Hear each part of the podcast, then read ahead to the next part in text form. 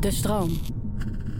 Mijn gast vandaag is Mark Tuitert. Die ken je vast als schaatsanalist. Uh, zelf ook gouden medaillewinnaar geweest op de Olympische Spelen. Maar Mark is ook een van de gezichten in ons land om het gedachtegoed van de Stoïcijnen eigenlijk uh, bij de massa te krijgen, zo mag je het wel zeggen. Dat doet hij met een podcast, doet hij met lezingen.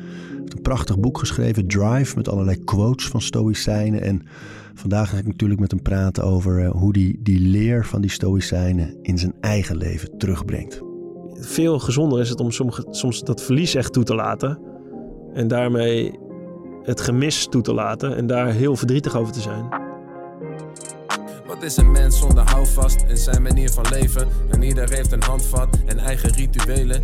Orde in je hoofd zodat alles te overzien is. We praten over routines. Als we gaan slapen, laten we dan blij en opgewekt zeggen: Ik heb geleefd. Fortuna's race gereden. We praten over routines.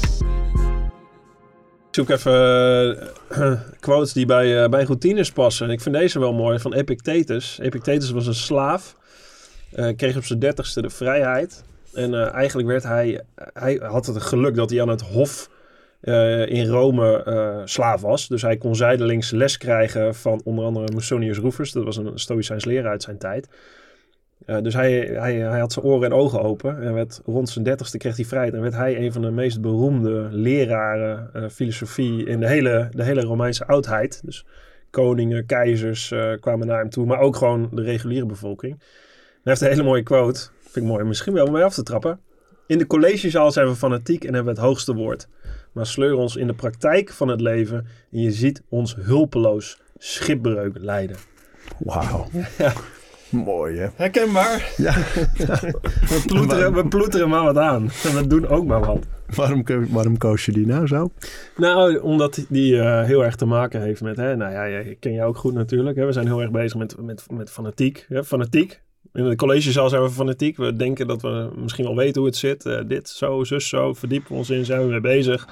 Maar ja, in de praktijk, als je daadwerkelijk aan het leven bent, ja, dan is het allemaal niet zo perfect en uh, georganiseerd. En uh, bij mij al helemaal niet. is, is niet, het maar gewoon een beetje schipperen en kijken waar je uitkomt, zeg maar. Dus in de praktijk leer je echt. Hè? Je, je verdiepen, het leren, het beter worden, dat, dat zit ook in mij. Hè? Drive in mijn boek niet voor niks, de gedrevenheid. Maar ja, dat in het is ook goed, daar leer je van. Maar als je het daadwerkelijk toepast, denk je, oh ja, hmm, het zit misschien toch net iets anders. Doe denken aan die Tyson quote, hè, van everybody has a plan until they get hit in the face. Ja. Dat is het ook een beetje van, je kan het op papier allemaal mooi bedenken. En ik denk ook eerlijk gezegd dat dat dat ook heel vaak zo is. Dat mensen dan bijvoorbeeld in de categorie van de zelfhulpboeken of de podcast of echt al een beetje houvast gaan zoeken en denken, ah, nu, nu ga ik het allemaal anders doen. En, nu, en op papier klopt het allemaal, maar die praktijk wordt zo moeilijk. Hoe, hoe ga je daar zelf mee om? Ja, ik, uh, ik ben heel veel van uh, trial and error. Uh, dus ik probeer veel, ik ga mijn bek en ik pas aan. En dat, eigenlijk doe ik dat al wel vanaf mijn jeugd. Dus niet echt, dat past ook wel bij mijn karakter. Ik was ook hè, als schaatser, als topsporter, was ik ook nooit degene die, ja, die, ja, die, eh, ik had niet een uitgestippeld plan. Ik had wel een doel waar ik uit, ik wilde natuurlijk wel winnen en kampioen worden. Maar bij mij ging dat veel organischer. En eigenlijk hè, met First Energy, met mijn bedrijf ook, doe, doe ik dat veel meer. We, beginnen, we beginnen hè, in, de, in de start-up wereld heet het zo mooi een MVP, Minimum Viable Product. Dus je begint met een product wat je al heel snel naar de markt kan brengen. Waar je van test van hoe, hoe komt het over. Hè, met onze gums hebben we begonnen met topsporters. Wat, wat zeggen die? Wat vinden die? Hoe kunnen we het aanpassen? En vanaf daaraf ga je werken. En kopen mensen het ook? Is een product wat je naar de markt brengt ook echt iets wat mensen kopen? Bestaat dat? zo was het bij mij met schaatsen eigenlijk ook een beetje. Ja, ik ga schaatsen. Ja, ik had helemaal niet zoveel talent. Ik vond het wel heel leuk om te doen. Ik ga op schaatsles. Ja, en ik word 15e, 20ste. Niet echt de nieuwe Rintje Ritsma. Maar je, je wordt beter, je gaat verbeteren. En ik, ik, heb, ik had pas op mijn 16e, 17e echt een trainer. Uh, helemaal in de zomer. In de zomer was ik gewoon alleen. Ik, ik had skieletjes onder mijn voeten. Ik reed al wedstrijdjes en ik reed ook wel op het podium. Ik reed ook Europees kampioenschap al. Ook wereldkampioenschappen toen ik 14, 15, 16 was op skielers. Niet op schaatsen. Dus daar begon het voor mij een beetje. Maar dat was gewoon echt pionieren. Er, waren nog, er was bijna nog geen bondscoach of een structuur. Het was gewoon skilers aantrekken op de weg, de weg gaan. En nou ja, ik deed echt maar wat. Het was gewoon echt klooien. Uh, en dat klooien, dat pieten, dat, uh, dat, dat knutselen. Uh, waar, ja, waar heel veel grote denkers, waar ik fan van ben, ook fan van zijn. Ja, dat vind, ik, eh, dat vind ik het leuke van het leven wel een beetje. Het gewoon, eh, ja, er zit wel een idee en een plan achter. Hè? Het is niet zo dat ik geen idee heb en ik ga. Maar ik laat me wel echt leiden door ja, wat ik heel mooi vind en door de zoektocht ja, die ik intrinsiek wil volgen. Dus eh, ik laat me niet leiden door dit moet ik doen of dat moet ik doen. Ik laat me echt leiden om mijn eigen intrinsieke wil om iets te gaan doen. En hoe kom je daarachter wat dat precies is? Ja, dat is, uh, ja, dat is, daar kom je dus achter door het echt te doen. Dat, dit kun je niet bedenken. Heel veel mensen die denken, ja, ik ga eerst mijn passie vinden en ik ga, daarop, ik ga daar nou op zoek. Ja, je moet gewoon iets gaan doen waarvan je denkt, hé, hey, hier word ik blij van. Uh, en en, en dat, dat kan in zoveel dingen zo, zo zit het leven denk ik heel erg. Daarom ben ik ook zo fan van die quote. Dat is gewoon een heel chaotisch proces. Voor mij was het met schaatsen echt... Dat is ook een beetje toeval soms. Ik, ik vond schaatsen heel leuk. Ik, als ik op het ijs was, dan was ik de hele dag buiten aan het schaatsen. Dus dat zegt al iets. Ik vind het gewoon leuk om te doen. Alleen ik zat ook op voetbal. Mijn ouders hebben een boerderij. Dus ja, niet echt... Uh, die gaan niet met me stad en land afrijden naar de ijsbaan. Die was toen nog in Deventer. Dat was best wel een eindje weg in de stad. Dus op een gegeven moment werd de ijsbaan verplaatst toen ik 12, 13 jaar oud was naar Kolmschaten. Daar konden we heen met de trein. Oh ja. 10 minuutjes met de trein vanaf Holte, Makkie. Gingen ook een aantal andere mensen heen. Dus er werd een klein groepje gevormd van mensen die gingen schaatsen. En toen zijn mijn vader onder andere, nou, het is wel leuk, dan, hoef, hoeven ze niet altijd mij te brengen, maar dan kan ik gewoon meerijden. En met, met Gerard Koopman was dat, met een, met een eh, man die zelf fanatiek schaatste. Dus dat was voor mij meer een soort, oké, nou dan ga ik gewoon op schaatsen drie keer per week. En dan kwam ik daar allemaal andere talenten natuurlijk. Oh god, wat doe ik hier?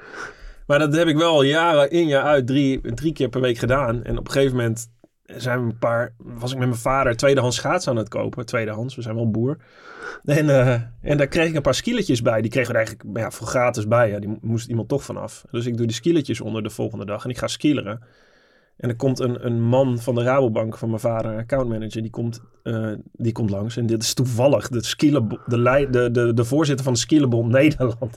Ja, dit slaat ook, ja, die ziet mij rijden. Die zegt, hey, moet een keer een wedstrijdje rijden. Dus nou, ik hem mee naar een wedstrijdje, eigenlijk tegen heug en meug. Werd ik één na laatste. En er staat een aanrijder langs de kant en die ziet mij, uh, een van de toppers, die ziet mij schaatsen. En die zegt tegen me van, ah, ik kan best wel wat skileren. technisch kan die best wel wat. Hij heeft alleen oude, oude bakken van onderstellen. Hier heb je een tweedehands onderstel. Kost 100 gulden. Nou, mijn vader, tweedehands, dan is die al verkocht. 100 gulden. Ik heb volgende dag dat onderstel uit en ik spuit weg. Ik denk, nou, ik ga nog één keer een wedstrijdje. Ga weer met die man van de, van de Rabobank mee. Kees Poel heet hij. Ik ga mee, ik word derde, ik krijg bloemen, rondemis, kussen. Ik denk, ho, dit is mooi, dit is gaaf. En ik ben er, dus ja. Uh, tenminste, dat was voor mij de entree in, in een beetje het professionele schaatsen, skileren. Dat was de eerste glimp van succes waarvan ik dacht, hey, misschien vind ik dit niet alleen leuk, misschien kan ik dit ook gewoon wel. Misschien kan ik hier wel beter in worden. Misschien kan ik wel ooit een Elfstedentocht winnen. Want de jongens die ouder mij waren, zoals de Erik Hulsenbossen van deze wereld, daar keken we dan naar. Dan bleven we nog uren hangen en dan keken we naar die wedstrijden. Dus dat was voor het eerst, weet je, het was niet dat ik dat van tevoren bedacht had. Ja, eigenlijk stiekem, als iemand me gezegd had, had ik gedacht, ja, hoezo, dat is toch niet mogelijk. Je wordt niet prof, profvoetballer, je wordt ook niet profschaatser ja, ja, ik word of boer of ik ga eh, studeren. Maar, maar en denk je achteraf wel eens aan die uh, ogenschijnlijke toevalligheden hè? van zo'n man die jou dan ziet skileren en die dan ook nog verbonden is aan zo'n bond en die, die kansen, die mogelijkheden. Denk je daar wel eens over na wat dat eigenlijk is? Ja, dat, dat is denk ik, um, ja, daar denk ik wel eens over na. Ik denk dat dat ook een soort instelling is die je zelf hebt die ergens wordt opgepikt. Dus, dus dat ik zo fanatiek hmm. zelf bezig ben met, met skiën of schaatsen. Ja, als ik dat gewoon blijf doen, en daar ben ik ook niet mee gestopt. Dat deed ik al vanaf mijn zesde tot mijn veertiende, toen ik werd opgepikt. Ja, dat komt een keer door. Dus vaak ben je al bezig of ben je hard aan het werk. Of, of, ik geloof heel erg in de juiste richting vinden. Dus niet per se meteen starten met het grote doel, maar doel wat bij je past. Hè. Voor mij is dat heel erg autonomie. Dat zit in mij, daarom ben ik ook gaan ondernemen. Ik wil mijn eigen richting bepalen.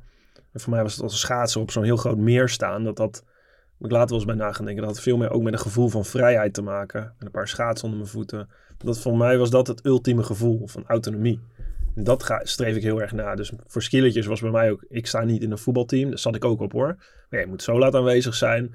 Je, de training duurt tot zo lang. Je hebt al elf andere, uh, tien andere waar je rekening mee moet houden. Die af en toe ongemotiveerd zijn. Want je denkt, ja, uh, dan, nou Mark, je hebt hard gelopen. Ja, nou ja, nou, ja, je bent niet de beste voetballer, maar je hebt wel goed je best gedaan. Hoor.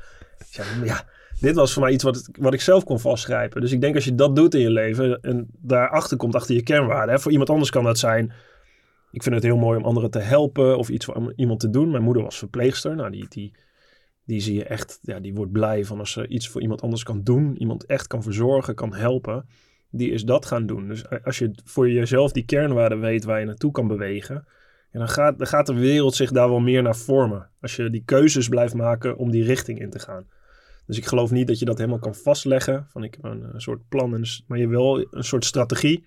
Gebaseerd op waarden, bovenliggende waarden, die bij jou passen.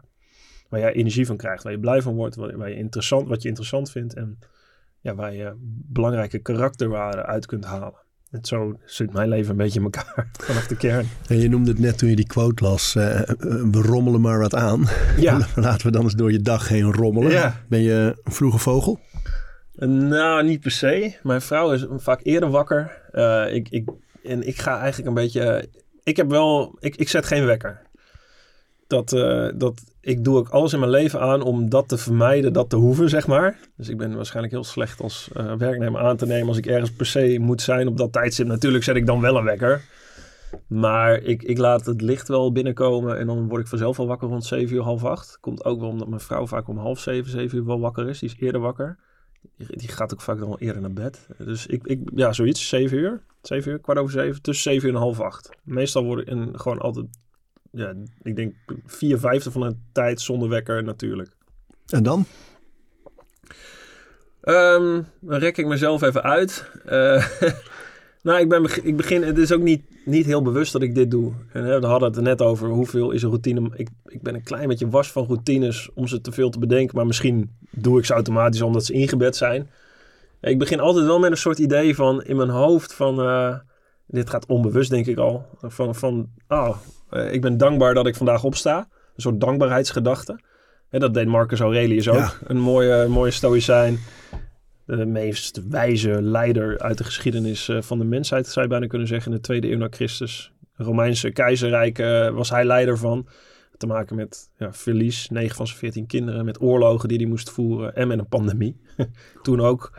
Ja. het leven gaat door, de cyclus herhaalt zich. En hij trainde zich heel erg in zijn filosofische principes. Dus hij had stoïcijnse filosofische leraren. En hij wilde eigenlijk stiekem filosoof worden ja, hij was een wijze jonge knaap en een serieuze knaap al. Dus hij liep al rond, in het, rond het hof, rond die kringen. En Hadrianus was zijn uh, adoptief grootvader. Die zag hem en hij had zelf geen kinderen. Dus die dacht, nou, die jongen die moet laten keizer worden. Die is geschikt. Hebben ze nog uh, Antoninus een, een man tussen gezet. Een oude een senator. Uh, zijn, eigenlijk dus zijn peetvader. Uh, en dat waren allemaal hele goede keizers. Dus de voorbeelden die noemt hij ook in de meditaties. Het boek wat Marcus Aurelius zelf schrijft. Hè, zijn eigen notities. Prachtig, prachtig geschreven. Tijdloos. Hè? Tijdloos aan het eind van zijn leven geschreven. En dan noemt hij hen ook in het dankwoord. Nou, Hadrianus niet trouwens, maar zijn, zijn, zijn, zijn peetvader wel. Wat hij daarvan geleerd heeft, et cetera. Dus hij traint zichzelf heel erg dankbaar te zijn. En zo zegt hij ook eigenlijk, hè, zijn ochtendroutines staan er ook in. Ja. Begin eigenlijk de dag door met twee dingen. Met, met, dankbaarheid. Wees blij dat je er bent. En, en maak, doe het werk dat gedaan moet worden. Als een echte Romein zou die zeggen. Hè, dus dat, vervul je rol. Ga niet land of dingen. Er is vandaag werk wat gedaan moet worden. En dat ga je doen. Want dat past ten tweede bij een rol die jij hebt in de natuur. Kijk naar buiten. Zie je de bloemetjes, zie je de bijtjes, zie je de vogels. Zie, zie iedereen zijn rol vervullen in het leven. En jij wil in bed blijven liggen. Uh, vervul je rol als mens. Ga aan het werk. Ga doen wat je vandaag moet doen met zo'n idee sta ik wel op. Met een soort dankbaarheidsidee van, nou, ik ga vandaag uh, de rollen vervullen die ik wil vervullen. En dat doe ik uh, met, met energie die ik, die ik vandaag heb. Dus met dat idee begin ik wel. Maar dat is niet een soort bewust mantra wat ik uitspreek of zo. Nee, maar ik denk eerlijk gezegd dat daar ook het, het mooie van routines in zit. En het gevaar misschien trouwens ook wel. Want routines doen mensen natuurlijk ook op een gegeven moment te veel op de automatische piloot. Maar het mhm. Soms wordt het als houvast gezien van krampachtig bedachte dingen. Eh, als, als ik dat allemaal doe, dan komt het goed. Alleen ik denk als ze echt ingebed raken, dat je ze onbewust eigenlijk uh, doet. Zoals wat jij nu noemt. Dat dat veel sterker is ook, want dan zit het echt in je leven. Ja, en dat zo, bij mij werkt het alleen zo dat als ik een routine, zeg maar, dit is mijn routine, dat ik het. Het is niet dat ik het een keer lees, ik schrijf het op en ik ga het doen. Ik, ik lees het, ik speel met het idee. Hè, weer, eigenlijk wel weer terug naar die quote van Epictetus. En dat groeit een beetje. Het groeit, hey, ik vind die filosofie interessant. Ik vind die stoïcijn. Hoe doen zij dat? Waarom eigenlijk? hey, wat gaaf. En dan, voor mij werkt dat meer eh, ja, organisch. Dat het ergens naar groeit dat ik dat zelf ook ga doen. Het is niet dat ik uh, mezelf een schema maak. Zoals ik vroeger eigenlijk wel deed. Een trainingsschema. Bam, bam, bam, bam, bam. Dat, dat. Ik bedenk het veel meer geleidelijk. En dan ga ik het vanzelf overnemen. Tenminste, dingen die ik waardevol vind. Hè? Voor mij werkt dit heel goed. En als ik, als ik eigenlijk daarmee opsta met dat idee ja, ga ik naar buiten of uh, ga ik naar beneden. En, en wat wij altijd wel doen, en dat is wel met het gezin eigenlijk een soort rustmoment. Ja, we ontbijten. We ontbijten eigenlijk altijd samen. En vaak heb ik voor werk of andere dingen s'avonds nog veel te doen. Dus het dus avondeten schiet er als gezin wel eens bij in. Van mijn kant. Uh, maar s ochtends uh, vind ik heel fijn om met z'n allen op te staan en gewoon aan tafel te zitten. En zit iedereen met zijn slapige hoofd een krantje te lezen. Uh, en even ja, gewoon een half uur, drie kwartier, soms uur. Uh, zetten we met elkaar aan tafel en dan uh, doet iedereen eigenlijk zijn eigen ding. Of de een loopt hier door, door de kamer. Het is wel als gezin even een uurtje samen. En waarom vind je dat zo belangrijk? Nou, ik denk dat het, dat het de wa meest waardevolle dingen in het leven zijn. Voor mij is, is een diepe connectie hebben met anderen. En een, een diepe connectie met, met jezelf eerst, maar ook met de eerste laag uh, daaromheen. Dat, dat is je, je naaste, dat, zijn je, dat is je gezin, denk ik. Uh, dus dat is, dat is denk ik, uh, het is een soort biologische ja, zijn van mens. om, ja, en daar haal je waarde uit. Dat is, dat is mooi. Dat is belangrijk. Het belangrijkste in je leven boven alles, denk ik. Dus da daar als eerste aandacht aan besteden op een dag lijkt me verstandig. Dus eerst misschien even aan jezelf, hoe je sta opstaat. Daarna aan je naaste. En daarna komt de rest eigenlijk, waar de dag door gaat lopen. En dat is voor mij, voor mij is uitdagingen aangaan, een rijkelijk stromend leven leiden, is heel belangrijk. Daar, daar krijg ik zoveel energie van. En alle andere dingen vloeien daaruit voort. Bijvoorbeeld trainen, gezond eten. Dat, die staan eigenlijk meer zo in het doel van dat ik uitdagingen aan kan gaan. En met energie alle dingen in het leven kan doen. Die ondersteunen me daarin. Uh, en diepe connecties met ten eerste mijn familie, maar daarnaast ook met, met goede vrienden. Uh, en uh, naast de familie, dat, dat zijn de dingen die ik het allerbelangrijkste vind in mijn leven. Dat zijn de kernpijlers waarop ik drijf. Mooi. En ik weet dat je eh, soms uh, intermittent fasting ook doet. Ja, hè? Dus ja niet soms. Nee, altijd? ja. Permanent? Ja. ja. Waarom? Ja, dat ben ik eigenlijk twee jaar geleden mee begonnen. Dus als je het hebt over routine die ik wel inderdaad echt heb ingebed. Uh, gewoon koud, bam, vast. Is dit het? Ik heb twee jaar geleden, je kent hem ook natuurlijk, Samefko. Ja, uh, Ludidi. Dr. Ludidi. Had ik op een podcast en uh, nou, hij vertelde me erover. En dat was grappig. We hadden het ook over je, het kan, hoe je intermittent fasting. Hè, voor de mensen die niet weten wat het is. het is tijdsgebonden eten. Dus je hebt een tijdsframe op een dag. In dit geval acht uur. Maar tussen je eet en de buiten eet je niet ik vond het mooi aansluiten op stoïcisme, op de stoïcijnse filosofie. Daar, daar doen ze eigenlijk het ook. Seneca was een, een Romeinse staatsheer rond het begin van, van onze jaartelling.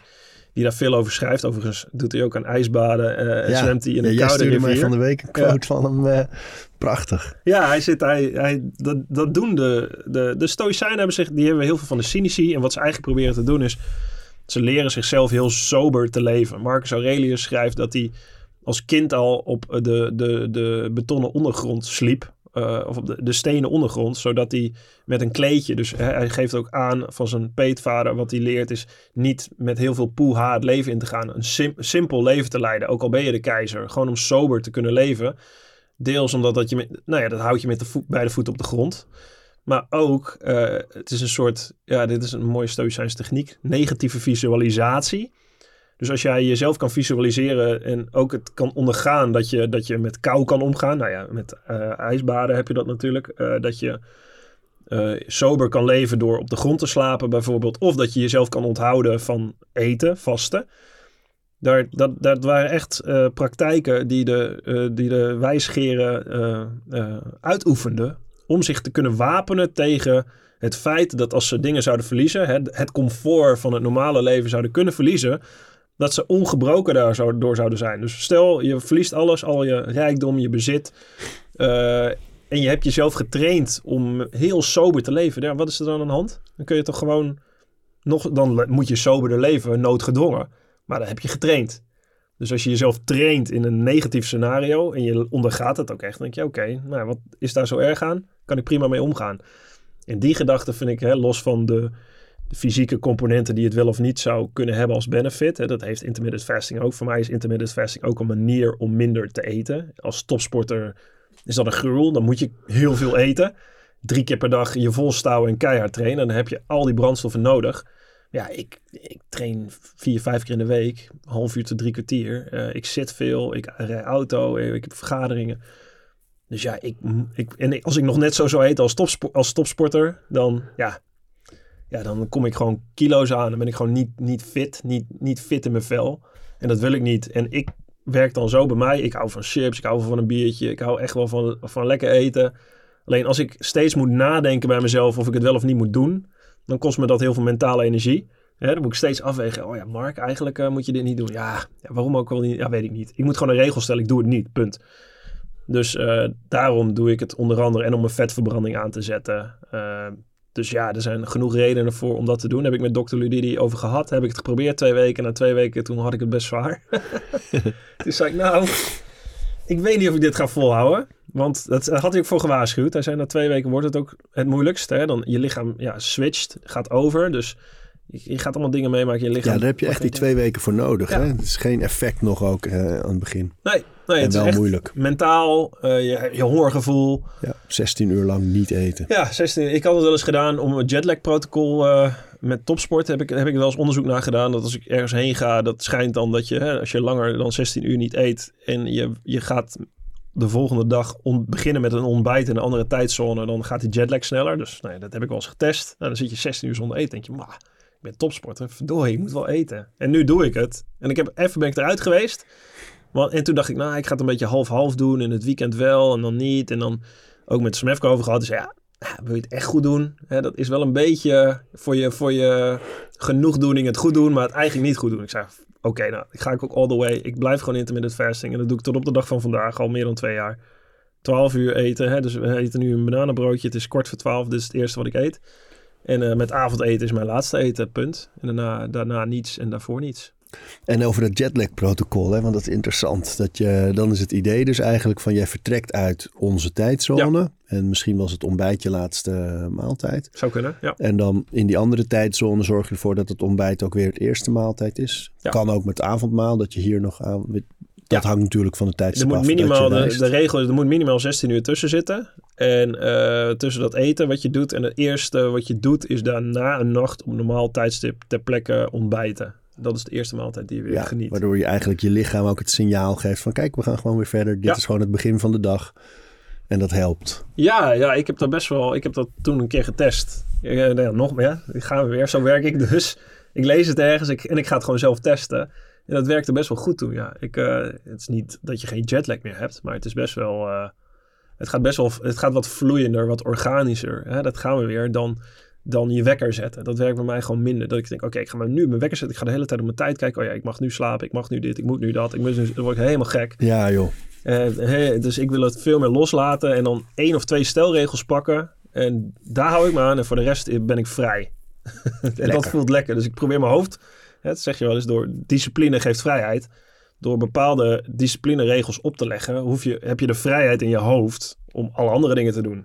Hoef je dus niet meer met die discipline bezig te zijn. Ja, het is echt zo. En dan eh, ook met toch vaste ritmes en zo. Dat daar on- tussendoor ontstaat zoveel tijd. Ja. Juist omdat die dingen niet meer in je hoofd zitten als ruis. Van ook moet dit nog, moet dat nog. Waar ga ik dat doen? Hetzelfde met alcohol bijvoorbeeld. Door de week drink ik geen alcohol. En in het weekend dan, eh, neem ik, dan vind ik het extra lekker om eh, met mijn vrouw eh, een wijntje te drinken. Of met mijn schoonvader komt soms langs. Ik ga naar een vriend. Of bij ons bedrijf eh, trek ik een biertje open. Dat is dan lekker. Maar ik weet, door de week... Is het- ik heb, toen ik gestopt was met sporten, dacht ik ook... Nou, nu, nu kan ik alles doen. Nou ja, dan heb je een presentatie in de avond. Of iemand die vraagt... Hey, kom nog een keer langs. Oh, lekker. Voor je weet... eh, ik, ik zit op de voetbal. Dinsdagavond voetbaltraining. Oh, daarna ook nog even twee biertjes. Op een gegeven moment zat ik een half jaar lang... Dacht, ik ben gewoon vijf, zes keer de week bier aan het drinken. ik, zeg, dat vind ik, wel, ik vind een biertje lekker, maar dit is gewoon... nou, dit is gewoon gewenning. Dit is niet meer genieten van een biertje of een wijntje. Dit is gewoon, oh ja, ik doe het toch wel, want het hoort erbij of zo. Ik, zeg, ja, dit, dit, en je weet dat alcohol gewoon niet goed voor je is. En ik vind het echt wel lekker, maar dan ja, wil ik dat specialer maken. Dus dan stel ik daar ook een regel voor in. Mooi hè? En in dat drukke leven als ondernemer met First, ehm, analist bij de NOS natuurlijk. eh, alle dingen die je doet. waar zit het lezen? Want je, je leest zoveel over Ja. die Stoïcijnen. Ja, dat is, eh, dat is een goede vraag. Dat, eh, dat zit er tussendoor. Dat zit ook wel veel op zondag, in het weekend. Vind ik lekker om zondagochtend een boek te pakken en te lezen. Ik, voordat ik naar bed ga, lees ik. Vind, ik vind een lezen een fantastische manier om in slaap te vallen. Mijn vrouw die kijkt altijd naast me, die, die geeft me een por, omdat mijn licht dan...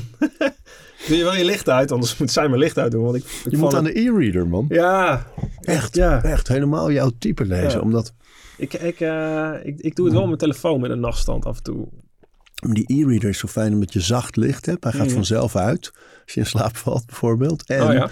je kan zo lekker, eh, als je ergens iets leest over een boek of iets, bijvoorbeeld over de Stoïcijnen. Je schaft het aan en het staat daar gewoon. En Ja. eh, als, het, als het niet heel goed is, weet je, het is minder duur dan een gewoon boek. Dus de aanschaf eh, scheelt ook nog. Maar het is die e-reader, Ja. jongen. Ik ben er nu iets meer dan een jaar aan. En eh, ja, het is echt fantastisch. ja ik, hou wel, ik hou echt van, van papier. Ik, Ik hou ook. van boeken. En in mijn boekenkast wil ik ook mooie boeken, weet je. Die moeten daar staan. Maar al die boeken die voorbij komen. Ik heb nu een lijstje op mijn telefoon met zes boeken... van- die ik dan van anderen getipt Ja. krijg in een bepaald hoekje. Of, of een schrijver die ik goed vind heeft weer iets nieuws. Die wil ik dan... Maar het zijn Ja. niet allemaal boeken die ik voor de eeuwigheid in mijn, eh, in mijn werkkamer wil hebben. Dus, en vanwege dat slapen. Ja, je valt in slaap en hij gaat vanzelf uit. Het is Ik zal, het eens even, ik zal het eens even checken. Ja, ja hij- anders heb gaat ik altijd nog een vrouw die... Ja, ja, ja. Ik kan het... Ja, nee, je hebt wel van die e- e-boeken, van die e-readers waar je ook op eh, kan eh, noteren. Waar je ook hele mooie tekeningen en dingen op kan maken. En dat is, hè, Ja. als je het hebt over routines, ook... Ik, ik, heb, eh, ik geloof heel erg in, in, in dagboeken. Ik heb altijd een trainingsdagboek bijgehouden. Eh, altijd de tijd van training, wat ik de intensiteit van de training vond en ook mijn gevoel daarbij. En ik heb altijd boekjes, altijd notitieboekjes bij me gehad, waar ik gewoon met de pen in klad. Is geen touw aan vast te knopen als je mij niet bent. Maar da, dat, daar schreef ik veel gedachten, ideeën en dingen in op. Onder andere Energy Gum tijdens het schaatsen. Ja, die heb ik gezien. terug. Die heb je nog, hè, dat boekje. Ja, die heb ik nog. Ja, ja. En ik, dus ik had altijd van die notitieboekjes mee. En zo werkt het bij mij nu. Als je op mijn bureau zit, er liggen echt gewoon tien kladblaadjes op. En dat is vaak papier wat, eh, wat, ik, wat oud is. Of hè, niet nieuw papier. Vind ik dan ook wel een beetje zonde. Dus, en ik, ik klad heel veel. Ik schrijf veel op. Eh, in mijn hoofd zit, schrij, ik probeer het op tekst neer te schrijven. Natuurlijk altijd niet helemaal georganiseerd en mooi in een dagboek. Maar gewoon in notitieboekjes of in losse blaadjes. Dus misschien, ja, de- ik heb een, eh, een eh, volgens mij is dat Remarkable. Ja, die Remarkable Ja. waar je op kan Volgens mij kun je schrijven. erop schrijven, maar dan kun je ook op schrijven en kladden. Dat vind ik heel fijn. Dat doe ik ook in boeken. Deze niet die ik mee heb. Ik heb echt boeken. Als, vaak lees je ze eerst en daarna ga ik strepen, strepen. Maar als je de meditaties, de persoonlijke notities, die, die heb ik van Marcus Aurelius. Dat, er zitten gewoon tien blaadjes in. Er staan overal strepen en ezelsoren in. Dat vind ik het fijne van een boek. Ik heb gewoon overal Ja. belangrijke dingen en, en ik herlees veel. Ja, dus maar, maar dat is ook zo. Dat is echt een reden om het wel. Plus het gevoel van papier Ja. en eh, het feit dat er een, een kaft omheen zit met een mooie omslag. Dat, nee, dat is allemaal echt waardevol. Dat moet ook altijd zo blijven. En ik had als, als schaatsen natuurlijk heel veel tijd hè, om te lezen. Dus ik heb ook gewoon heel veel al gelezen. En lees, herle de beste dingen herlees ik. Maar zoiets, dat, dat doe jij dan dus niet vanuit de gedachte van het moet niet allemaal in mijn hoofd zitten. Het, het moet eruit. Maar meer, het is gewoon jouw techniek. Ja, het is meer mijn techniek hoe ik die gedachten vertaal. Dus hoe eh, van, eh, oh ja, wat vind ik hier nou belangrijk aan? Nou, dat onderstreep ik. Ezelsoortje. Ik heb ook een nieuwsbrief natuurlijk, waar ik dan iedere zondag een stukje op schrijf. eh, heel kort. En dat zijn vaak wel de dingetjes die ik gaandeweg op een dag opschrijf. En het, bij mij loopt het allemaal door elkaar. Dat kunnen filosofische gedachten zijn of quotes. Maar dat zijn ook gewoon bedrijfsideeën. Dat zijn ook nieuwe productideeën. Dat zijn ook, ehm, dat zijn ook strategieën voor het leven meer. Ik teken wel eens, dus ik, ik teken wel eens zo'n boom. En dit is meer mijn idee van hoe ik mijn leven leid. En waarom ik verschillende dingen doe met een boom met vijf, poot, met vijf stammen. Ja, en dat zijn vijf dingen die ik ontwikkel of nastreef. En eh, ja, de ene krijgt tien takken, de andere maar twee. Of één stam sterft af. Voor mij is dat het... Eigenlijk wil ik nog op de muur een hele grote boom hebben. En dat is voor mij een beetje het organische proces van het leven. Vind ik ook mooi van de Stoïcijnen. De, de wortels in de aarde, dicht bij de natuur. Voetjes op de vloer. Maar vanuit daar groot durven denken de lucht in. En verschillende ja, opties ontwikkelen en strategieën volgen. En, en gaandeweg kijken wat werkt, wat niet. Welke stam groeit. Ja, dat ligt niet alleen aan mij en mijn passie en mijn intensiteit. Het ligt ook aan misschien de markt of aan anderen. Of aan mijn leven of aan mijn- hoe mijn leven zich ontwikkelt. Dus daar ben ik altijd wel mee bezig. En ik probeer dat altijd wel te herijken. Ieder kwartaal of ieder half jaar. Van ja, is dit de juiste weg? Doe ik dit goed? Ga ik op deze pad? En dan moet ik gewoon thuis ook uitleggen. Neem ik mijn vrouw ook in mee en mijn kinderen af en toe ook. Dan zeg ik, nou, papa is hiermee bezig. Ik ben dit en dit aan het doen. Anders, het is voor mij een les, anders zit ik in mijn hoofd daar heel erg mee bezig te zijn. Dan heeft ja, ook mijn naaste denk ik, wat is dit Mooi, mooi om ze bij te betrekken. Of in ieder geval Ja. eh, over te informeren. En die, die, die vijf stammen, hè, die je dan, eh, kun je die Ja. noemen? Is dat... Ja, dat is, ik heb, nou, First Energy Gum is mijn bedrijf. Dat is een grote, een grote stam aan de boom. Ik eh, doe eh, schaatsen en dan ben ik analyticus bij de NOS. eh is een stam aan de boom. Ik heb mijn, mijn eigenlijk, ja, mijn soort mijn drive mindset platform. Hè, dat is mijn boek. Podcast, podcast. lezingen, denk ik. le- lezingen zitten daar vast. Dus je hebt je bedrijf, je hebt je platform met Drive. Ja. Ehm, je hebt ehm, die investeringstak. Zit, zit je gezin daar bijvoorbeeld ook in? Echt als een tak? Zie je dat zo? Eh, ja, dat is, dat is meer de wortel van de boom eh, eerder. Ja. Ja. ik zie het niet als een soort levensstrategie-tak. Eh, ik heb, aan de andere kant heb ik mijn, mijn vader... en Mijn, hè, mijn, mijn vader heeft een boerderij. Dat is, dat is wel een familietak. Dus die tak vind ik wel... Dat is bedrijfsma ook bedrijfsmatig. Dus gewoon een boerderij. Wat doen we daarmee in de toekomst? Dat is een vraag. Wat kunnen we daarmee? Dus dat is een vraag voor mij en mijn broertjes. Eh, ik heb twee broertjes, dus, dus die takken spelen allemaal mee. Soms komt er een zijtakje aan, gaat hij weer weg. Maar de, de wortel van de boom is, is meer hoe je je leven wil leiden. Dus dit zijn meer strategieën die, eh, die mij meer, ja, van hoe, hoe gaan we... Ik, ik heb geen vaste baan, ik heb geen vast inkomen. Hoe ga ik inkomenstechnisch, economisch technisch, maar ook gewoon voor mijn eigen, bovenal mijn eigen drive, mijn eigen passie. Hoe ga ik die kanaliseren? En de basis daarvan is, hè, wat ik met, is eigenlijk gewoon ge- ge- tijd hebben voor mijn gezin, maar ook tijd hebben voor vrienden. Eh, en daar hele, hele mooie dingen mee kunnen beleven. En dat, ja, dat, dat doe ik. En dat, is, dat staat eigenlijk los van. Dat is meer de, de, wortel, de wortel van de boom. Daar zorg ik altijd wel dat ik daar tussendoor tijd voor maak. En hoe, eh, want je zei dan, dan kijk je daar af en toe naar van eh, hoe, hoe gaat het hier? Hoe is de ontwikkeling? Eh, moet het anders? Gaat een tak af? Er komt misschien een tak bij. Ja. Op, op welk moment kijk je daarnaar en analyseer je dat allemaal? Ehm, ja, dat, dat doe ik eh, vaak wel in. Ik, als ik alleen in de auto zit. Ik doe het altijd als ik alleen ben. Als ik in- alleen in de auto zit en een beetje wegdroom. Als ik een geen podcast of een luisterboek op heb staan, vind ik dat fijn. Of, of harde muziek. En eh, ja, door weg te dromen af en toe. Ik heb zelf ook, ik heb natuurlijk ook wel eens, mijn vrouw werkt, of, of zondag is het, eh, of, de, zaterdagochtend als de kids aan het voetballen zijn. Of, ik sta echt wel eens gewoon uit het raam te koekeloeren, te staren. En dan moet ik misschien wel een paar dingen doen. En die leg ik dan wel even weg. En dan, dan sta ik een beetje voor me uit. En dan hè, door de natuur lopen. Ook door hè, surfen vind ik fijn. Aan het strand, aan de zee. Dat, ik zoek ik, connectie met de natuur. En naar buiten staren, even niks doen. Alles parkeren, uit mijn hoofd zetten. Eh, dat, dat kan ik ook wel vrij goed. En dan ga je eigenlijk die bomen ga je langs. Ja. Van hoe zit het in deze? Ja. Hoe gaat dat? Hoe gaat Ja, dit? hoe voelt dat? Gaat het goed? Eh, ben ik dat juiste hier aan het doen? Eh, besteed ik er genoeg tijd en aandacht aan? Wil ik dit meer gaan doen? Wil ik dit uitbouwen? Wil ik hier nog een takje aanzetten? Daar word ik blij van. Dus het is constant afweging wel van...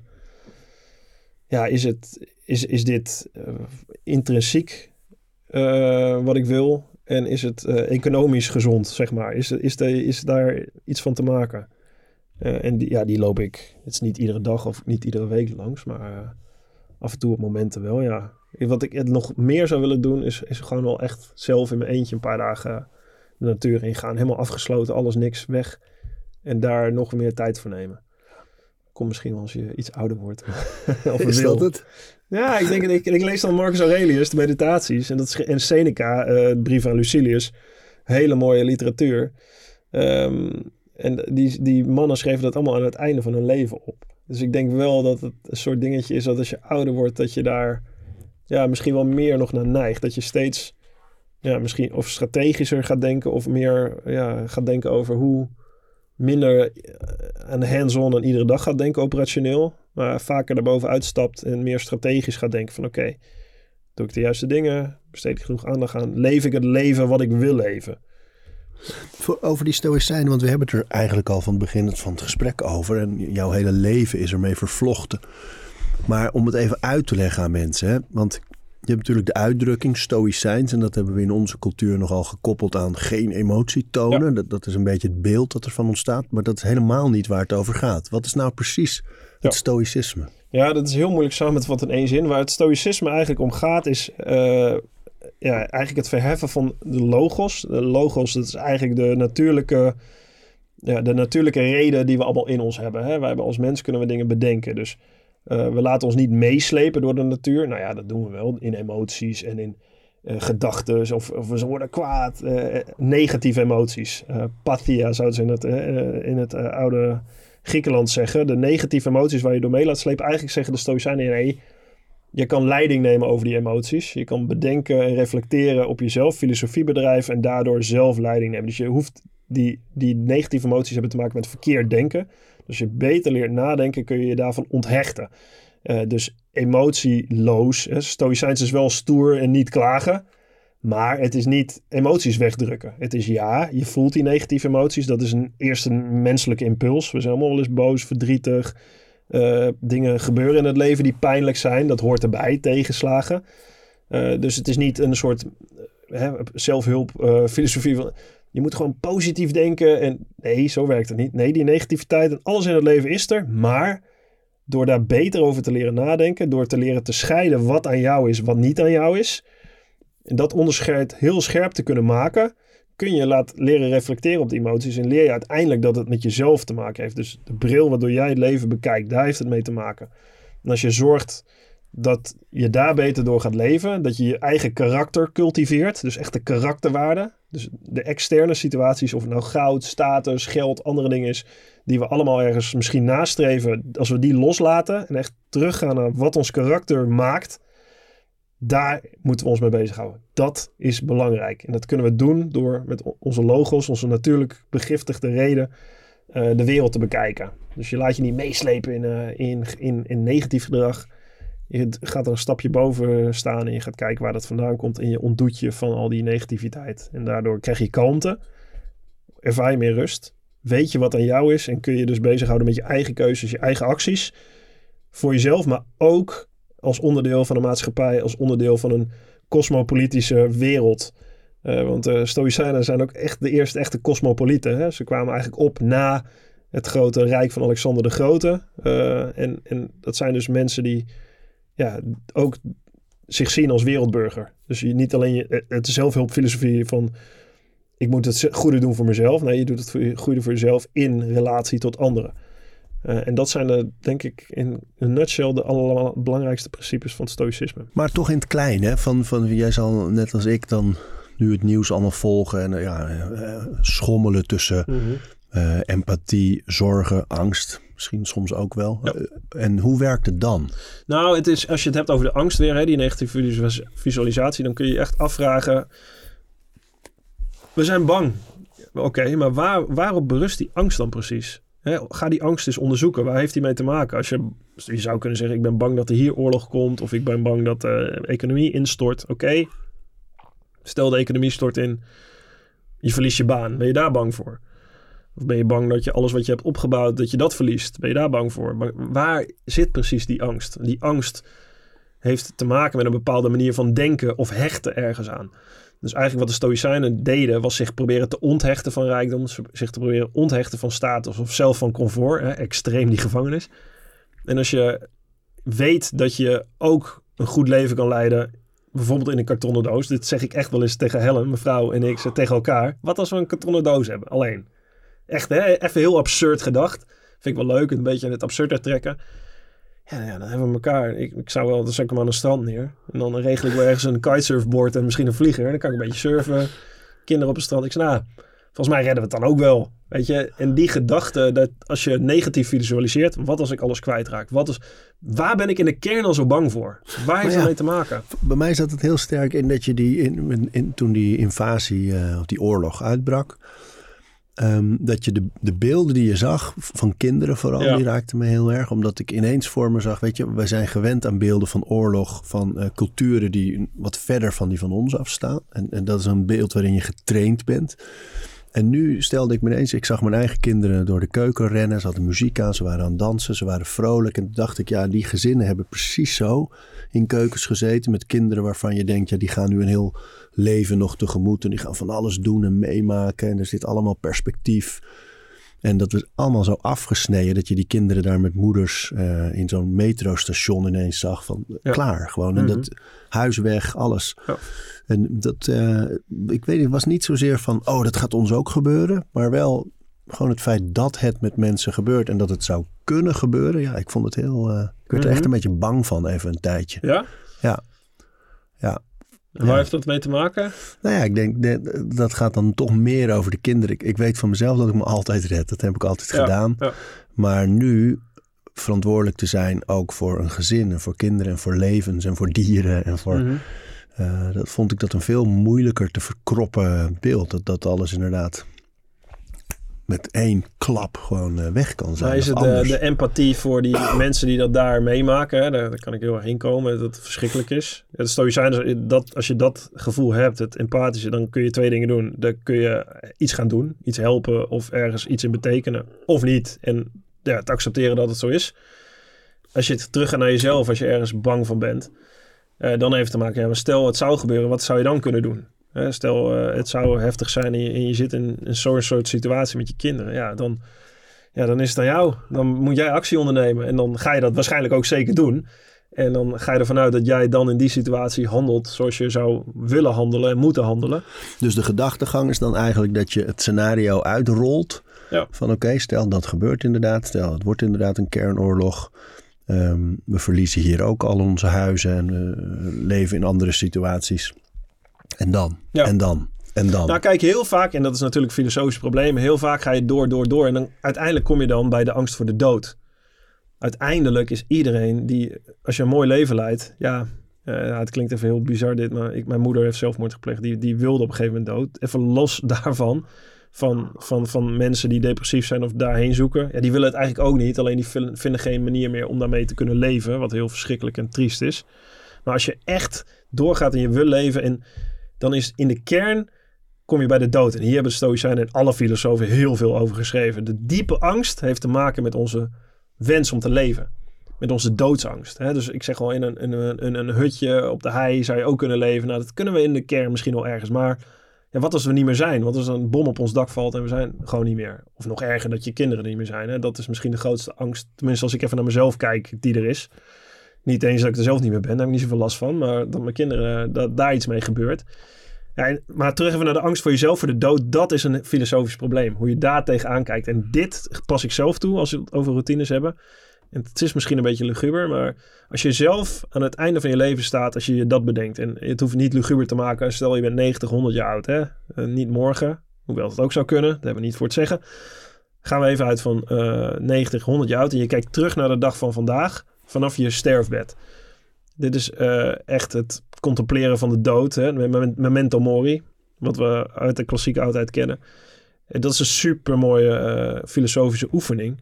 En dan ga je even terug naar vandaag en denk je, ja, doe ik vandaag de dingen die ik wil doen? Doe ik de dingen vandaag waarover mijn 90 of 100-jarige ik zegt van, hier ga je spijt van krijgen, moet je doen. Of ik worstel al tien jaar lang, zit ik in een leven wat ik niet wil, waar ik eigenlijk niet blij van word. Nou ja, voor hetzelfde geld zit je er nog tien, jaar- tien jaar in. Voor hetzelfde geld ben je 90, zit je er nog steeds in. De grootste spijtbetuiging die mensen aan het einde van hun leven hebben, is dat ze niet het leven hebben geleid dat ze zelf wilden leiden. Dus dat ze het leven van iemand anders zijn gaan gaan leiden. Van hun partner, van hun baas, van een... Nou ja, dat is toch triest als je daar aan het einde van je leven achterkomt. Dus dat we, we gaan dood. De vraag is, hoe leven we vandaag? Hoe leven we nu? Het- dat is de enige vraag. En dan, dan komt die bom en dan ben je er niet meer. Ja, Deze aflevering van Overroutines wordt aangeboden door Squarespace. Een alles in één platform waar je je eigen website kunt bouwen en beheren. Het maakt niet uit of je producten, diensten of je passie met de wereld wil delen. Het kan allemaal bij Squarespace. Ik noem even kort drie handige functies van het platform. Met het ontwerpsysteem kan je makkelijk je website vormgeven en het helemaal eigen maken. Squarespace analyseert hoe je website presteert en wat er voor nodig is om je bedrijf online verder te laten groeien. En ook kan je abonnementen en exclusieve content aanbieden aan betalende leden. Start nu je gratis proefperiode via squarespace.com slash overroutines. En ben je klaar om je website echt te lanceren? Gebruik dan de code overroutines. Dan krijg je 10% korting op je eerste aankoop van een website of domein. hey, dacht je dat je dit ging overleven? dacht je dat je er over 100 jaar nog was? We Forget hadden it. laatst Casper van der Meulen hier in de serie. En die, eh, die begint elke dag met de gedachte van... ik zou vandaag kunnen sterven. Dit is, het doet Seneca precies. Ja? Ja, ik heb een eh, prachtige quote hierover. Wacht, ik zoek hem even op. Ja. Maar ga, ga door hoor. Dat, Nee, nee, eh, nee. Zoek dit is op. hem, We eh, even kijken. Hoorden we lekker die bladzijden, vinden we ook zo'n mooi geluid. Dit is echt, dit is een Fuck boek. de Dit is een boek. Dit is geen e-readers. Hartstikke idee. Leuk vormgegeven trouwens ook, hè, je boek. Ja, dank mooi je, met dank de je. quotes allemaal. Ruben Steeman heeft daar. Het is het eerste wat ik bijna heb gedaan ook met het boek. Het is eh, de vormgeving. Ehm, ja, ja, heb ik nog hier? Nou, deze is sowieso al eh, van Seneca. Sterven is een proces van elke dag, want elke dag wordt een deel van ons leven ontnomen. Zo. Dat is denk ik heel waar. Deze, ja, deze vind ik heel mooi. En dan moet je even weten dat eh, Fortuna, hè, vrouwen Fortuna is in de, in de, in de Romeinse oudheid is eh, echt de godin van het, van het lot, van de lotsbestemming. Als we gaan slapen, laten we dan blij en opgewekt zeggen. hè, Als we het routine hebben, neem dit mee voordat je gaat slapen. Ik heb geleefd. Fortuna's race gereden. Als je dit iedere dag kan zeggen, hè, dus je hebt het lot aanvaard. Ik, ik heb alles wat me te- eh, ja, wat, wat op me rust, positief, negatief, heb ik aanvaard. Ik heb die race gereden. Ik heb geleefd vandaag. Ja, dan kun je eigenlijk eh, iedere dag vredig sterven, mocht het zo zijn. Mooi man, Zo schitterende quote. Zo proberen ze te doen. Te leven. Ja, te leven. En dat is, dat is ook de dood onder ogen zien. En de angst te verliezen dat je dood gaat. Dat gaan we. Deal with it. Er, eh, heel reëel over zijn. En dat deed Seneca op het einde van zijn leven. Hij niet alleen. Hè. Na het voorbeeld van Socrates is het voorbeeld van de Stoïcijnen. Van alle filosofen bijna. De, die, die, die, uiteindelijk werd hij te dood veroordeeld. Moest hij de gifbeker drinken. En die, nam, die nam die heldhaftig. Hij zei, ik ben een burger van Athene. Ik voldoen aan de wetten van Athene. Als zij mij te dood veroordelen, vlucht ik niet.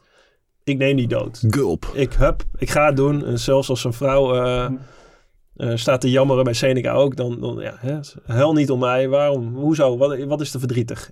Er gaat een man dood. Ja, dat gebeurt vaker. Ja, ja dat, dat moet je maar waar kunnen maken als het moment daar is. Ik, eh, ik, ik weet niet of ik het zou kunnen. Maar Seneca, die, deed dat, die schreef daar dus zijn hele leven over als Stoïcijns filosoof. Hij gaf advies aan anderen. En Lucilius onder andere, waar hij hele mooie brief over heeft geschreven. Waar heel veel eh, over bewaard is gebleven, gelukkig. Gebleven. En uiteindelijk is hij de grote ja, eh, adviseur van Nero geweest. En toen Nero jong was, was hij nog te kneden. Daarna werd het een despoot, een dictator. Nou ja, Poetin keer tien. Echt een verschrikkelijke man die uiteindelijk zo achterdochtig wordt. En een plot wordt op hem beraamd. En hij geeft Seneca er onder andere van de schuld. Seneca was al met pensioen. Zit brieven te schrijven. En er komt een, eh, ja, er komt een Romeinse garde bij zijn huis. En zegt, ja jongens, het is zover. Je, je, je, je hebt de, de eer om zelf je dood te verkiezen. En zelf nu er een einde aan te maken. Dus eh, dat gaat hij doen. En hij modelleert zijn dood een beetje aan die van Socrates. Hè. Hij neemt de gifbeker, lukt niet meteen. Heeft zijn polsen proberen door te snijden. Hij ligt in een bad met zijn vrienden erbij. Er is helemaal, zijn heel veel schilderijen over gemaakt. Het is heel mooi beschreven in de Romeinse oudheid. En, en uiteindelijk gaat hij zo dood. Dus met het opgeheven hoofd. eh, en eigenlijk eh, niet klagend of jammerend. Ja, en als je dat zou lukken, eh, ja, dat, dat hou ik wel een beetje in mijn achterhoofd. Als, Ja, als dat zo moet zijn, dan moet dat zo zijn. En die voldoening van elke dag weer. Ja. Ik heb gedaan, ik heb geleefd, ja. Hey, ik, ik denk wel steeds aan wat je net zei over je moeder. Hè? En of jij, was jij toen al bezig eh, met die stoïcijnen? Ja. Dus vind je het oké om daar, Ja hoor. hoe je daar dan mee omgaat, hoe dat bij elkaar komt, zeg maar? Nou, het is zeg maar wat, wat stoïcisme of stoïcijnse filosofie voor mij een beetje is. Het is, ik denk voor iedereen, het is niet een, een trucje of een lifehack van nou, dit heb je gelezen, je hebt een briefje met alle dingetjes en eh woehoe, ik kan het. Het is gewoon echt een filosofie, een levenswijze. Het is echt iets wat je constant aan jezelf moet blijven herhalen. Vandaar ook hè, eh, dagelijks eh, opschrijven, journaling. Eh, wat, wat ze allemaal doen. Vandaar dat Marcus Aurelius zulke dingen op het einde van zijn leven opschrijft. Het is constant jezelf eraan blijven herinneren wat je wil doen, wat een goed leven is om te leiden, et cetera, et cetera.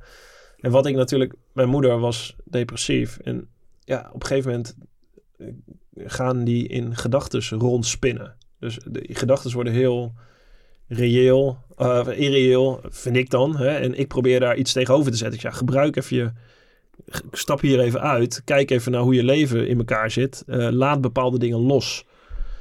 Ja, dit is het moeilijkste wat er is natuurlijk, loslaten. Amor fati noemde Nietzsche het heel mooi. Eh, was eigenlijk ook een, klassi- een klassicist. Eh, heb het lot lief.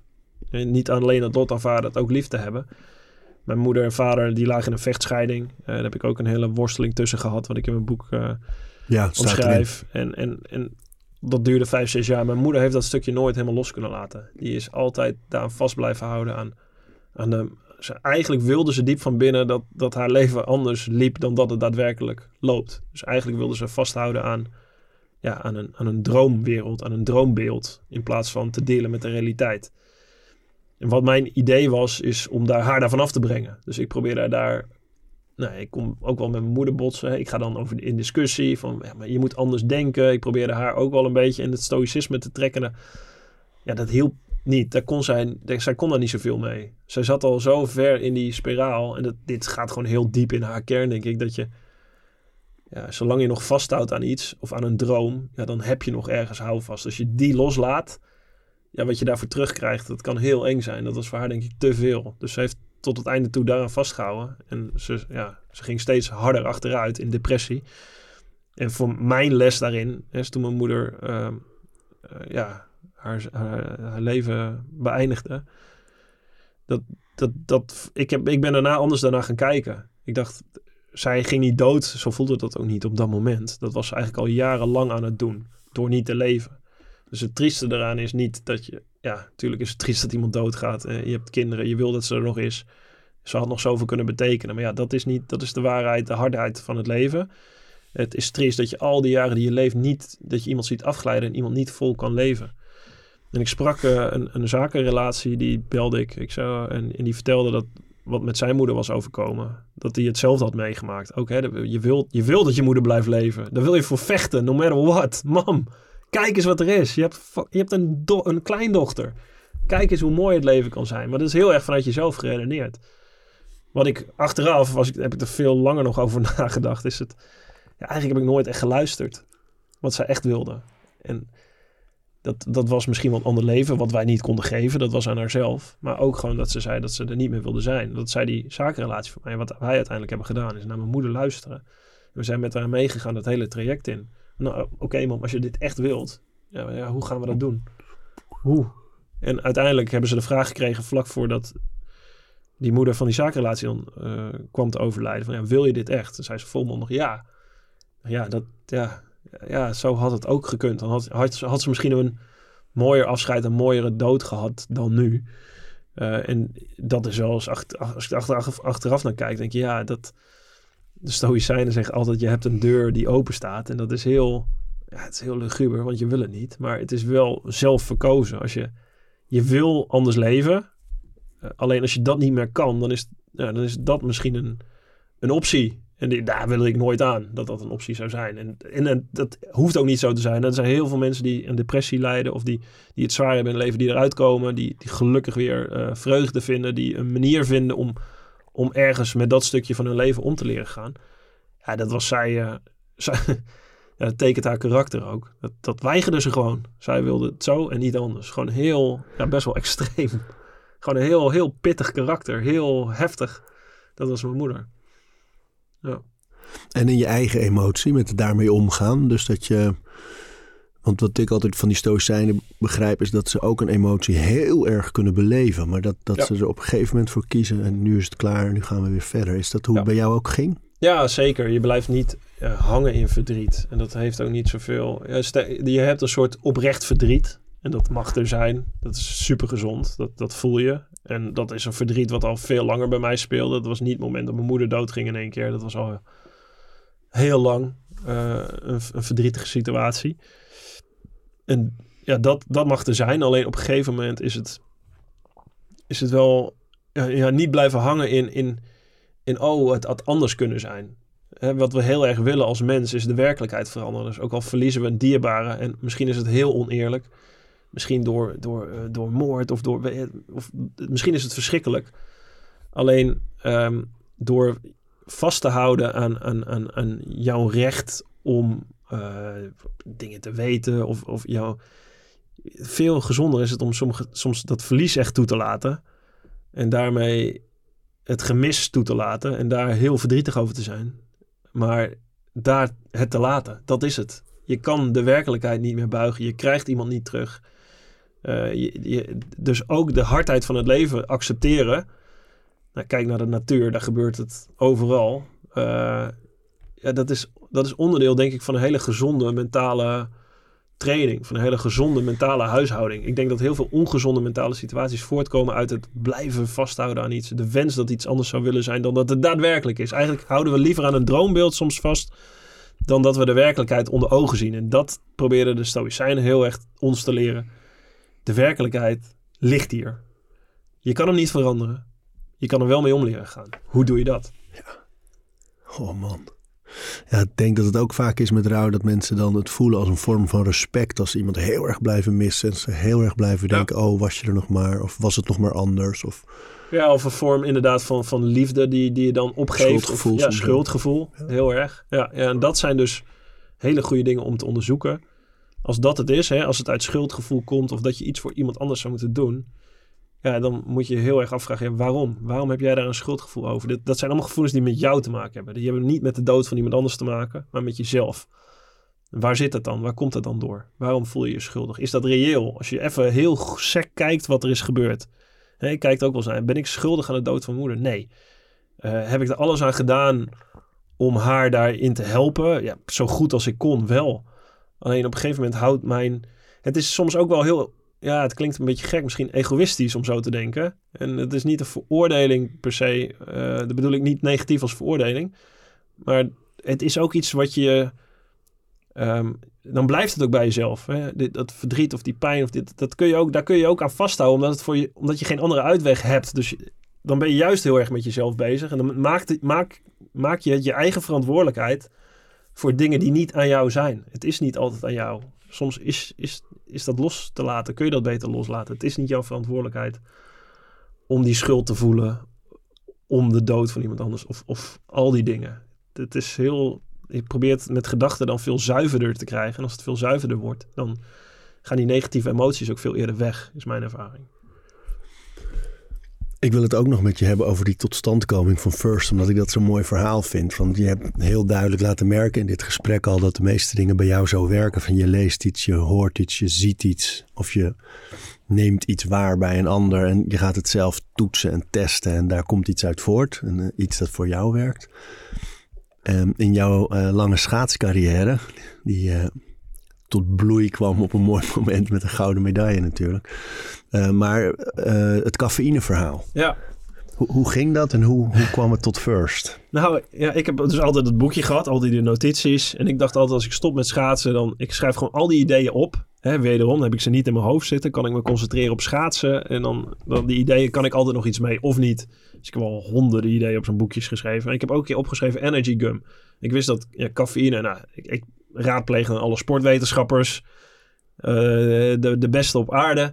Daar heb ik toegang toe, dus dat kan ik. Dus dan ga ik vragen, wat is het beste om te doen? Cafeïne tot je te nemen? Nou, zeg gewoon via kauwgom, want het werkt via je slijmvlies in je mond. Neem je direct op. Nou, cafeïne heeft heel veel benefits.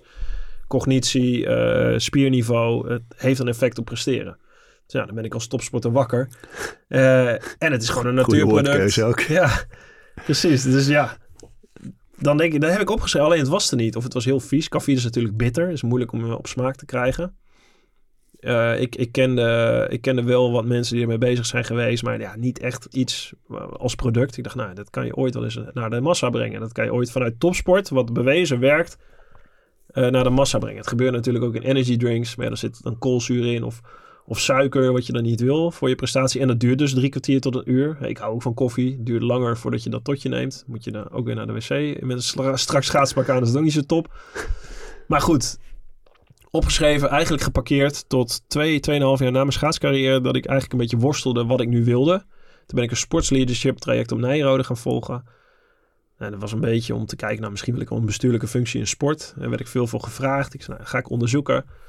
Alleen ik kwam er daar ook al achter dat ik veel, ik ben veel ondernemender. Ik ben helemaal niet zo bestuurlijk. Ik moet gewoon nieuwe dingen proberen, gas erop, deur inbeuken en gaan. Beetje eigen tijd indelen hier Ja, daar. precies. Te autonoom. Ik wil eigen tijd. Ga daar naartoe. Hup, go. Eh, en er zat iemand in mijn groepje. eh Erwin heet hij. Erwin was parachutespringer. Is. Eh, en zijn vriend. zei hij. Ja, heb ik een vriend. Die is bezig met de ontwikkeling van een energy gum. Ik zei. Huh? Goh. Toevallig. Heb ik nog nooit gehoord. Iemand in Nederland die daarmee bezig is. Maar ik heb het ergens ooit een keer opgeschreven op mijn lijstje. We gaan wel een keer praten. Nou, het duurde nog een half jaar of zo. Ik was ook niet zo. Ik wist ook nog niet wat ik precies wilde. Toen ik voor mezelf had besloten van ja, ik wil autonoom zelf bezig zijn. Ik wil gaan ondernemen. Ik ga niet ergens bij een bond of iets anders werken. Toen dacht ik, ik ga dit verkennen. Nou, ik ga praten met, eh, met Erwin en Wim, inmiddels mijn compagnon. Ja, je kent hem. Ja, prachtvent. Ja, ja nou, die, die, heeft ook weer, die heeft ook weer heel veel. Ja. Als hij die ooit gaat vertellen, nou, die verhalen zijn ook prachtig. Veel meegemaakt in zijn leven, heel mooi verhaal. Ja, dus raakt aan de praat. Eh, we vonden elkaar heel erg, in, in, in, ook in topsportgedachten. En eh, toen, toen stuurde hij me de eerste samples op. En die, die dacht, toen ik die nam, toen dacht ik, ho, holy shit, dit is wel echt andere koek. Dit is niet het ja, gummetje wat ik ken. Is een vrij grote gum hebben we met een soort liquid fill, hè, een soort vloeistofvulling erin. Ik heb er meteen echt topsporters uh, van Mathieu van der Poel tot Suzanne Schulting tot gestuurd. Ja, alleen maar positieve reacties. Ik denk, hey, uh, you're on to something.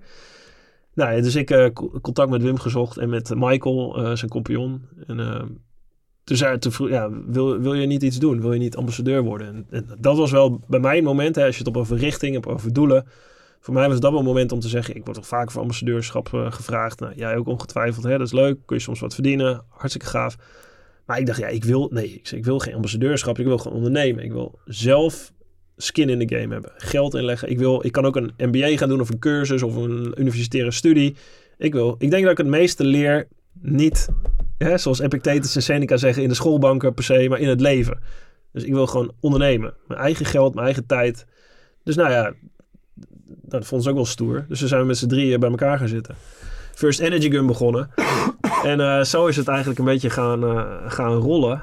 Uh, en nu zijn we vier jaar verder. Hebben we een leuk bedrijf gebouwd. Nou ja, er moet nog heel veel gebeuren. We hebben nog heel, heel veel uitdagingen. Maar het is een hele weg die ja, heel leuk is. En mij heel veel leert over wat ik zelf kan, wat ik wil.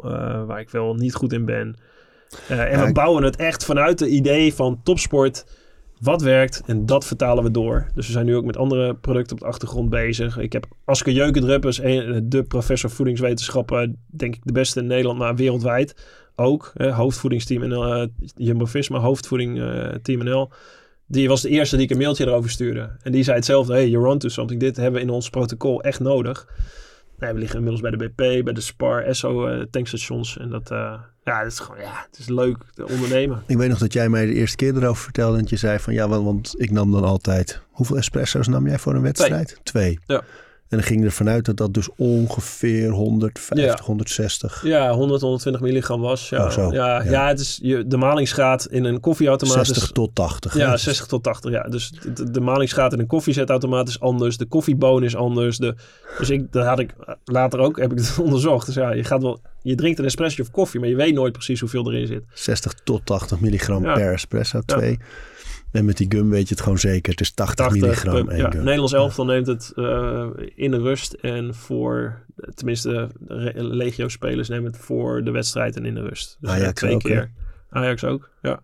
En heel veel topsporters, ja. Ja. Ja, ja. Het is een mooi product. Ja, het hebben we heel, heel veel jaren tijd en energie zitten daarin. En, eh, en nog steeds. Dus ja, dat is eh, voor mij, ja, ik, zeg maar, dat is mijn, ik vind de leukste uitdaging, dit dus, de uitdaging aangaan en leren over jezelf, over hoe de wereld werkt. Hè. Ik, ik vind ons product vet, de, markt die we bouwen, dat zit ik helemaal in. Maar ik vind, zeg maar, even, ik ga er al vaak boven hangen. En denk, ja, voor mez- dit is voor mezelf een soort, en niet alleen filosofische ja, exercitie, dit is een levensexercitie. Net als dat topsport voor mij ook niet alleen goud winnen is. Het is wel goud willen winnen. Het hoogste haalbare willen halen. Dat willen we met First ook. Maar het is gewoon de hele weg. Ja. Alles wat je tegenkomt. De, de downs, de ups, de uitdagingen, het eh, frustraties, het geluk, de blijdschap, de dankbaarheid.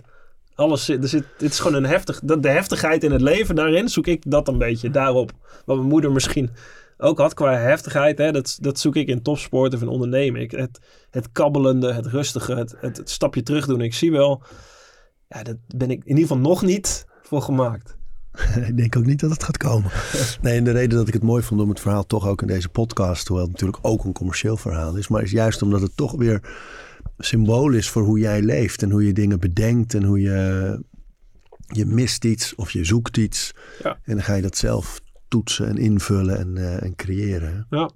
Volgende idee hebben we ook al klaarstaan. Daar zal ik je zo even over vragen trouwens. Ik ben benieuwd wat jij ervan vindt. Ja, dat is niet leuk voor onze luisteraars natuurlijk. Die, die horen Oh, jou komen we nu wel een keer weer terug. Voordat het de rest duurt het al even, kan ik je vertellen. Hey, je boek Drive. Ja. Ehm, je, uh, train je stoïcijnse mindset. Train je stoïcijnse mindset. Zo heet het. Dat is de subtitel ja. ervan. Hè? Ja, het, ik heb het echt willen schrijven om als een soort doorvertaling. Dat je, je hoeft niet de dikke, dikke filosofische pillen te lezen. Als je het wil doen, doen. Heel vet. Maar uh, wil je iets begrijpen van Stoïcijnse filosofie, hoe je het kan toepassen en hoe ik het toegepast heb, dan heb ik tien principes voor je waar ik het uh, omschrijf. Daarom ook train je Stoïcijnse mindset. Ja, nee, heel mooi. En zo relevant nu, omdat het, ja. denk ik, ja, natuurlijk is het voor elke tijd relevant. Het is niet voor niks al zo lang bij ons. Maar ik heb het gevoel dat die hele opleving nu ook echt komt, omdat mensen doorhebben dat het heel erg gaat over omgaan met de tijd waarin we leven. Ja. Met alle ruis, met alle afleiding, met alle zorgen en angsten en onzekerheden ook. Uh, maar ook met ambitie, ontwikkeling, uh, focus en die optimalisatie. En daar in die hoek zie je het heel veel terugkomen. Dankzij schrijvers als Ryan Holiday en uh, met The Obstacle is the Way. Tim Ferriss. Tim Ferriss, ja. ja. Phyllis en ja. ja, klopt. Ja, mooi hoor. Je zit er middenin. Ja. Dankjewel. Graag gedaan. Is leuk. Ja. We praten over routines. Dankjewel voor het luisteren. En voordat je weer doorgaat naar andere dingen, wil ik je nog even wijzen op Over Inspiratie. Dat is het mailtje dat ik elke donderdag rondstuur met drie tips. Dingen waar ik zelf veel aan gehad heb. Kunnen producten zijn, artikelen die ik gevonden heb online, onderzoeken, uh, Instagram-accounts, podcasts, boeken, van alles eigenlijk. En ik denk dat je daar zelf ook veel aan kunt hebben. Dus vind je het leuk om dat mailtje elke week te ontvangen? Dan kun je je opgeven op ariboomsma.nl onderaan de pagina. Dan krijg je voortaan elke donderdag in je mailbox over inspiratie.